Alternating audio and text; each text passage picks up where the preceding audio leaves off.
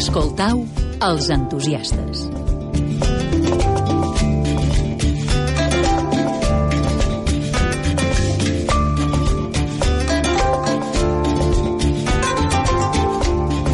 Poden amagar poesia els cotxes? Poden tenir cara? Personalitat pròpia? I el món soterrani i poc valorat dels garatges o les cotxeries? Podem observar-los d'una manera diferent? De tot això ens ve a parlar avui l'escriptor i periodista Carlos Garrido. Carlos, ben tornat. Què tal? Com te trobes? Molt bé, molt bé. Molt bé, i amb ganes de parlar mm, de Una cotxes cosa de manera a- poètica. Sí, atípica, atípica, no? Perquè... Tanta sort que ets tu, eh? Perquè desconfiaria d'aquest binomi. Sí, perquè si te comencin a parlar de bieles i ballestes i tal... Ja no estaria- ja no seria aquí, eh? Ah, no sé si funcionaria el programa. Bé, sí, perquè eh, fa poc, fa relativament poc, vaig anar a un, a un garatge mm. i jo sempre he tingut una fascinació absoluta pels garatges. Sí. Em semblen una cosa fantàstica. I me va ser, se me, me va acudir que se semblava molt al garatge que anava el meu pare quan jo era petit, que era un garatge fantàstic, enorme, així brut, abandonat, saps? I, i clar, vaig pensar, hòstia, uh, hi ha una segona cara de tot el, el món dels cotxes que no som conscients, no? Per nosaltres el cotxe és sobretot un símbol de, de velocitat, de poder, mm. d'estatus, mm. de, bueno, de cosa pràctica, de, de tràfic, de traslladar-te, etc.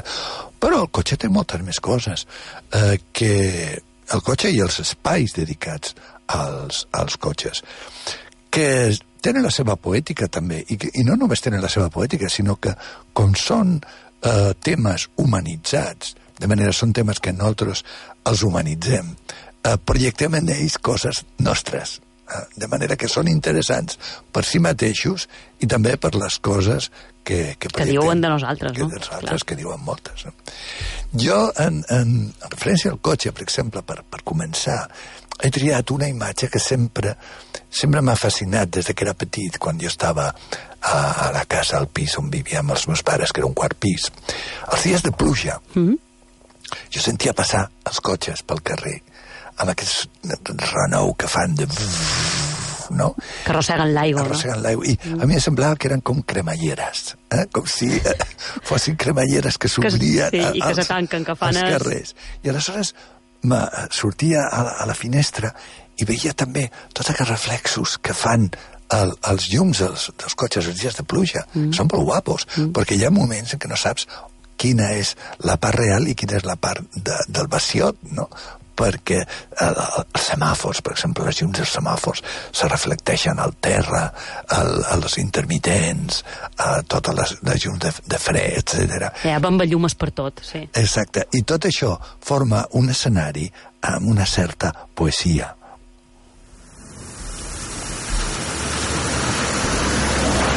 Plou. Mm. Ha passat el cotxe. Tot... Els cotxes són com una mena de cadència als dies de pluja, eh? perquè se fan notar. I, a més, la pluja fa això que li diuen un renou blanc. És a dir, fa un renou que amortigua mm. moltes de les, de, dels sons de, de la ciutat. I el cotxe és una mena de metrònom eh, mm. que va passant per la ciutat. Tac, i el mateix que quan tu condueixes a l'intermitent o al limpiaparabrises. Mm. És un metrònom total. cert, és dir, jo cert. he cantat moltes cançons amb el limpiaparabrises perquè no perd el Te ritme. marca mai. perfectament Te marca ritme. perfectament. Se, se, No pots anar ni més aviat ni més a poc a poc, però vas amb ell. el, el twist and shout, el twist and shout el, el Va pots cantar, va bé en el metrònom. Jo crec que és un, és un 150 o un 140 el, el, el ritme que te marca el, el metrònom. No? De manera que en aquest escenari tan poètic i tan de la ciutat, plovent i tal, ens hem de fixar més en, en, eh, en els cotxes. Els cotxes són personatges. És a dir, mm, quan fas una nòmina dels cotxes que has tingut, eh, clar, jo, per exemple, me recordo els cotxes que tenia el meu pare, que va tenir varios, des de el mític 600, no? Mm.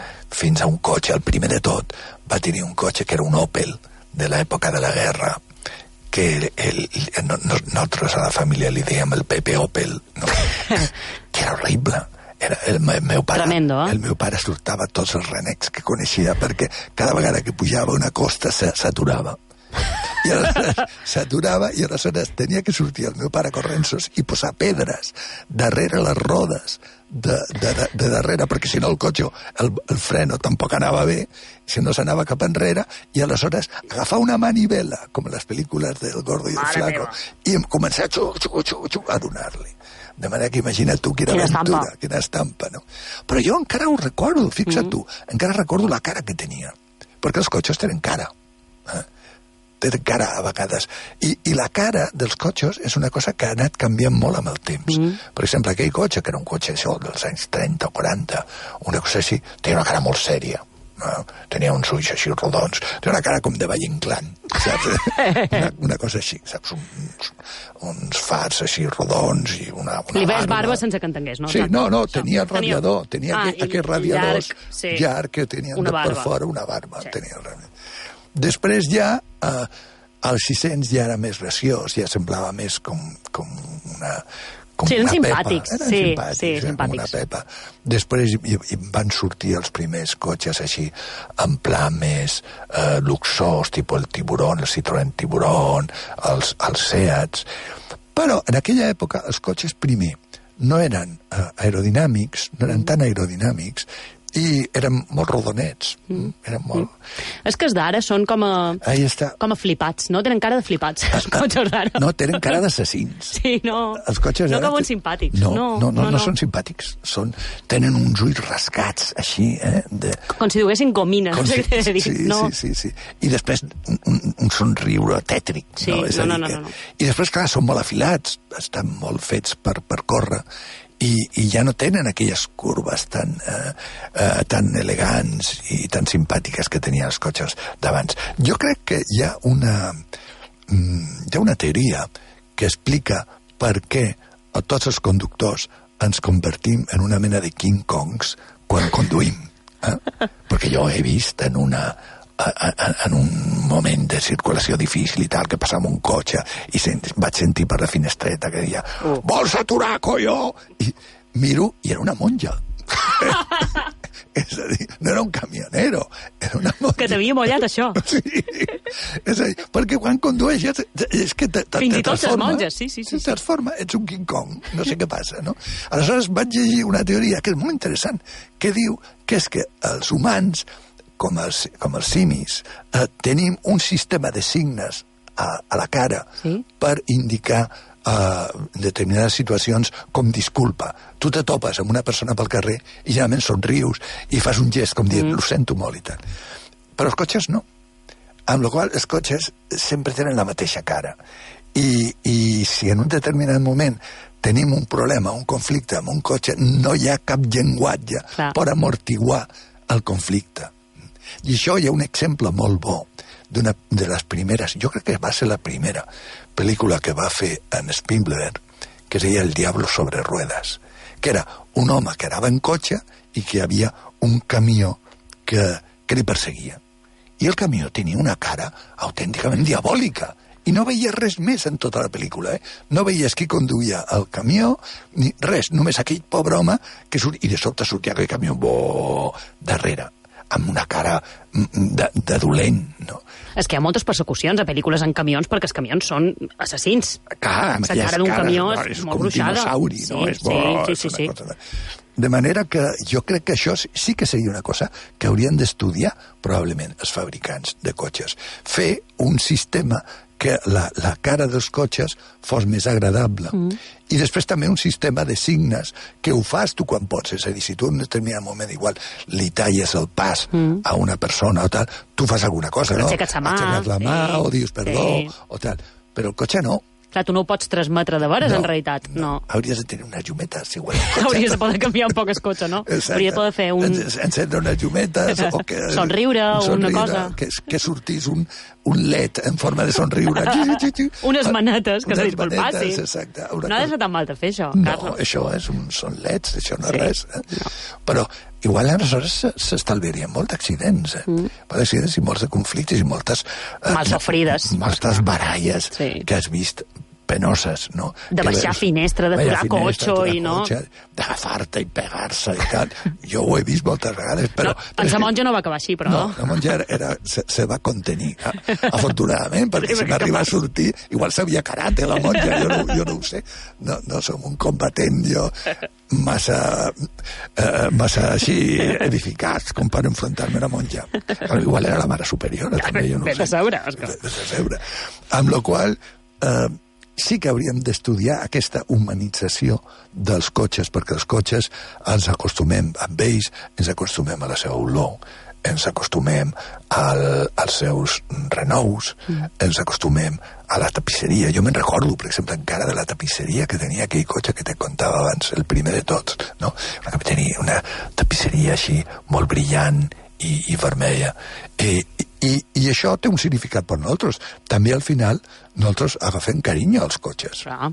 Són, són Part de la família, sí. Són part de la família. I el moment que ho has de deixar o que has de vendre o que ja te, te fa pena. Mm. Te tan bé pena, eh? I quan deixes un cotxe te, te tornes a l'enrere i mires, no? I dius, ai, ai, no, pobret, no? I fas, Sí.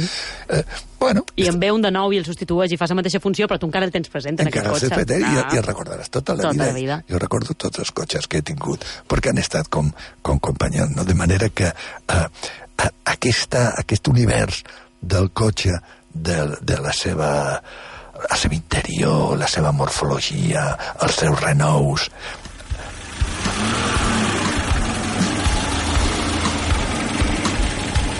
ens fan com un estrat intemporal. Els motors, el renou que fa quan atures, quan frenes. Això fa molta por. Això als pàrquings me fa moltíssima Te por. gires espantat, eh? Sí, perquè sempre sembla una pel·lícula de terror, no? Es tenen aquesta reverberància que, que sonen... I això ens porta a l'altra part, que és la part de els garatges, és a dir, mm. els espais que estan dissenyats per, pels cotxes. Mm. Que, naturalment, els espais que estan dissenyats per cotxes tampoc estan... Jo suposo que al, al començament, quan el cotxe era una cosa més o menys exòtica, sí, però ara no són especialment... Són molt funcionals, no, no, no tenen un, un significat. Però, clar, eh, també eh, formen part de la nostra vida. Mm. Els pàrquing, per exemple, mai m'han agradat gens, no m'agraden gens. Jo sempre he trobat que eh, els pàrquings són una mena de, mm, de simbologia de l'avern, de l'infern. saps? Hi ha, hi ha uns grans magatzems a Palma que jo no hi vaig mai, només per no, Per no baixar, haver de- per no baixar aquí pàrquing, que sembla el descenso a los descens. infiernos, saps? És dir, no acaba mai, i curves, i curves, i curves, i ai, Déu meu, i, i on, soc ara, i com sortiré d'aquí? I tots els pisos són iguals, i tens sensació que has entrat allà. Sí, sí, sí, sí, i després entres allà i wow, tots els, els cotxes allà Aquells sòtils baixos, no? Tot tan gris. Tot, tot, i, i, i tot fosc, no? Mm. I, I fins i tot el de l'aeroport, que és un pàrquing relativament, bueno, alegre, no? Perquè té, té vistes i tal, Obert, sí. no deixa de ser una cosa una mica inquietant, no? Aquelles fileres amb tots els morros dels cotxes iguals, amb, amb, amb totes les, les llumetes aquelles, amb la gent, perquè el, els pàrquings, diguem-ne que exageren molt la sensació de deshabitat. Mm. Sempre te sembla que sortirà un assassí en sèrie. Sí, que està amagat esperant, Que està amagat sí. esperant. Això, no, no. I que no hi haurà ningú per protegir-te, No. perquè estàs tot sol tu i l'assassí. Exacte, i per més que cridis o No, tal, no, no, no, ja està. Estàs, estàs perdut. No? Però això no passa als garatges, veus? Els garatges és diferent. Els garatges són eh, uns edificis construïts a posta, però molt poc pràctics. Així, així com els, els pàrquings són essencialment utilitaris, mm. no? estan pensats per, per tenir el màxim de, mm. de cotxes possibles i, i, a més, tots molt calculats i numerats i amb aquelles davallades i tal. El garatge és un espai... Jo crec que el garatge ve dels estables dels cavalls. És, és una adaptació mm. tardana dels estables mm. I té la mateixa concepció. El que passa que en lloc de tenir cavalls, doncs té cotxes, no?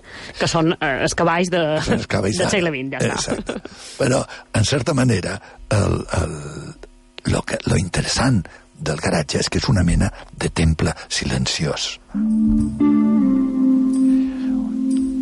garatge ha de tenir uns sostres molt alts. Després té una decoració sempre misteriosament blanca i vermella. Eh? O blanca o gris, però després té aquestes ratlles Traches... vermelles. Per què? Ah, Qui ho ha decidit? No en sé. benefici de què? Exacte, no, no sé per què. Eh? No, és un misteri. Després, els garatges, com Déu mana, tenen una oficina petita a, a sobre d'una escala. Me comenten que és grises pels tubs d'esca- d'escape dels cotxes. Probablement, probablement perquè no, perquè no embruti. Xavi Fullana, que en sap una mica de colors de, de garatges, De diu que és per això. Però és vermell i és blanc perquè, si algú Exacte. sap, arroba entusiastes i B3 a Twitter, per favor. Exacte, que ho digui. No?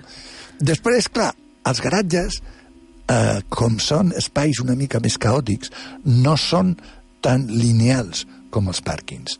De manera que els cotxes estan més desordenats. Mm. A vegades, fins i tot, els cotxes han de deixar la, la clau a dins mm. per poder-los moure, no? Per poder-los... Perquè a vegades estan en postures impossibles, sí. Exacte. Amb la qual la sensació ja no és tan amenaçant. Mm. Jo quan entro en un garatge no tinc la sensació de que m'assassinaran. En canvi, a un, un pàrquing, sí. sí. A un pàrquing sí. A- Aquesta és la gran diferència. No? I un garatge té justament la, la connotació aquesta musical. Ja a mi m'agradaria fer un concert en un garatge. Això és veritat.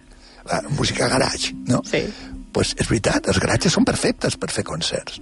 Jo no sé per què no utilitzen els per fer concerts. Com eh? espais de concert. Clar, són fantàstics, perquè són molt amplis eh, i després eh, tenen aquesta ressonància Una sonoritat estranya, molt especial, Una clar. sonoritat molt, molt especial, no? I, a més, els garatges tenen una cosa que és interessant, que és una sensació d'intemporalitat. És a dir, jo ja t'he dit, quan vaig al barri de, que vivia amb els meus pares, sempre vaig a visitar el garatge, mm. però està igual. És que fins i tot l'oficina té la mateixa mugre que tenia quan jo era petit. És que no l'han, ni l'han pintada, No, ni tot ben igual. Tot ben igual. Que és una de les coses que té el món de l'automòbil, també, Sí. que també m'encanta. Sí. Com els tallers, no? Hi ha tallers d'automòbils que jo crec que no s'han rentat mai. Mai, no, Però no mai. ha passat res, i és el mateix calendari penjat. Canvia d'any, però són les mateixes fotos i el mateix format. Exactament igual, no? és a dir, lo, lo qual significa que tenen una certa vocació d'intemporalitat. Mm. Això també està molt bé, mm. no? I, i després, el, els cotxes eh, al, al, al garatge estan com en comunitat, no sé com dir-te, com si parlessin entre ells, saps? Sí. És a dir, quan estan al, al, al, pàrquing estan molt separats, és com si fessin la mili, els cotxes. Però, en canvi, al garatge no, el garatge... Estan amb els amics. están como en un campamento, Tranquilament, están, sí. van como de colonias, ¿eh? y, y están allá y mira, s'acostumen, parlen amb un, parlen un altre i tal. I, i, i això t'ho transmet al, al, al garatge, saps? És una... És, com te diria jo, és una sensació de que encara hi ha coses que continuen i, i sobretot és una sensació d'espai, d'església, perquè és, és difícil de trobar. Generalment els, els garatges tenen el sostre bastant més alt mm. que la part útil. Lo qual causa problemes, suposo, de, per amortitzar-lo. Evidentment, perquè no tenen tant d'espai. Ara pensava en una pel·lícula brillant, Holly Motors, que va guanyar, crec que Sitges fa un parell d'anys, que una de les escenes és un garatge en què els cotxes, quan tanquen la porta, es posen a parlar entre A ells. parlar, clar. I tenen una conversa. I de, sí. Exactament. I és un garatge que estan tots allà i van tenint limusines, crec que són, que van xerrant entre ells. És, és que són, Clar. són amics, els Clar. cotxes. Bueno, o enemics, eh? Ojo, També, pot ser que n'hi hagi que estiguin barallats. De vegades se, se tenen mania, eh? És a dir... eh, Com s'ha de dur bé un 600 amb un d'aquests flipats de dia d'avui? De cap manera. Jo he tingut cotxes molt presumits, també, que eren insuportables. I quan les tu deixava- te quedes malament. Sí. I que xerraven amb els altres cotxes també les, es fotien unes xapes que no veies. I, i tu te n'adonaves de que no eren benvinguts realment al garatge, no? Perquè començaven, no, perquè jo he estado en no sé dónde, i perquè jo he de no sé què, i tal, i que... No, no ho saps mai. Això, poc, eh, sí, això... I sobretot eh, hi havia un que tenia un, un, una tírria, una camioneta, una furgoneta que havia allà que no la podia veure. Cada vegada que aparcava li donava un, un toque. Perquè no se podia moure de Perquè no cap se manera. Moure de cap manera. De manera que és un món per descobrir. Eh, Per què ens anem de vacances a, a Tailàndia o tal si tenim els garatges? És a dir, si, si podríem fer autèntiques excursions, eh, podríem fer, jo què sé, només faltaria que ens deixessin dormir una nit en, en, en el local, en el despatxet aquest tan cutre, i, i ja està, i faríem un viatge realment a un altre món.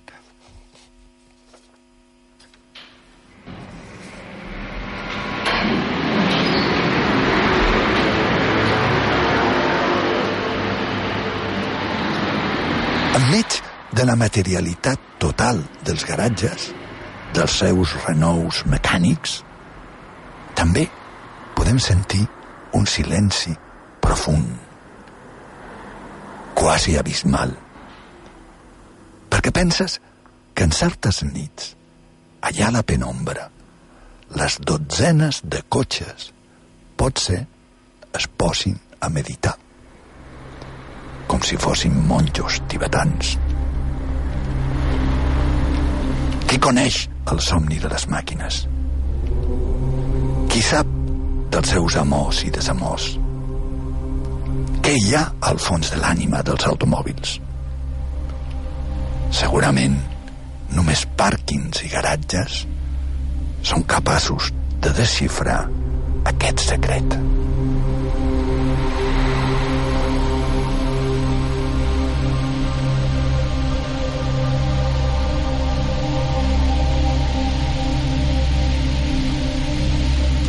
Aquesta meditació de monjos tibetans, de cotxes, Carlos, ja t'he dit que m'has fet ganes d'abraçar el meu cotxe. No sé com dir-t'ho, ara en sortir. L'has de cercar un bon garatge. No, no. Sí. Quin me recomanes?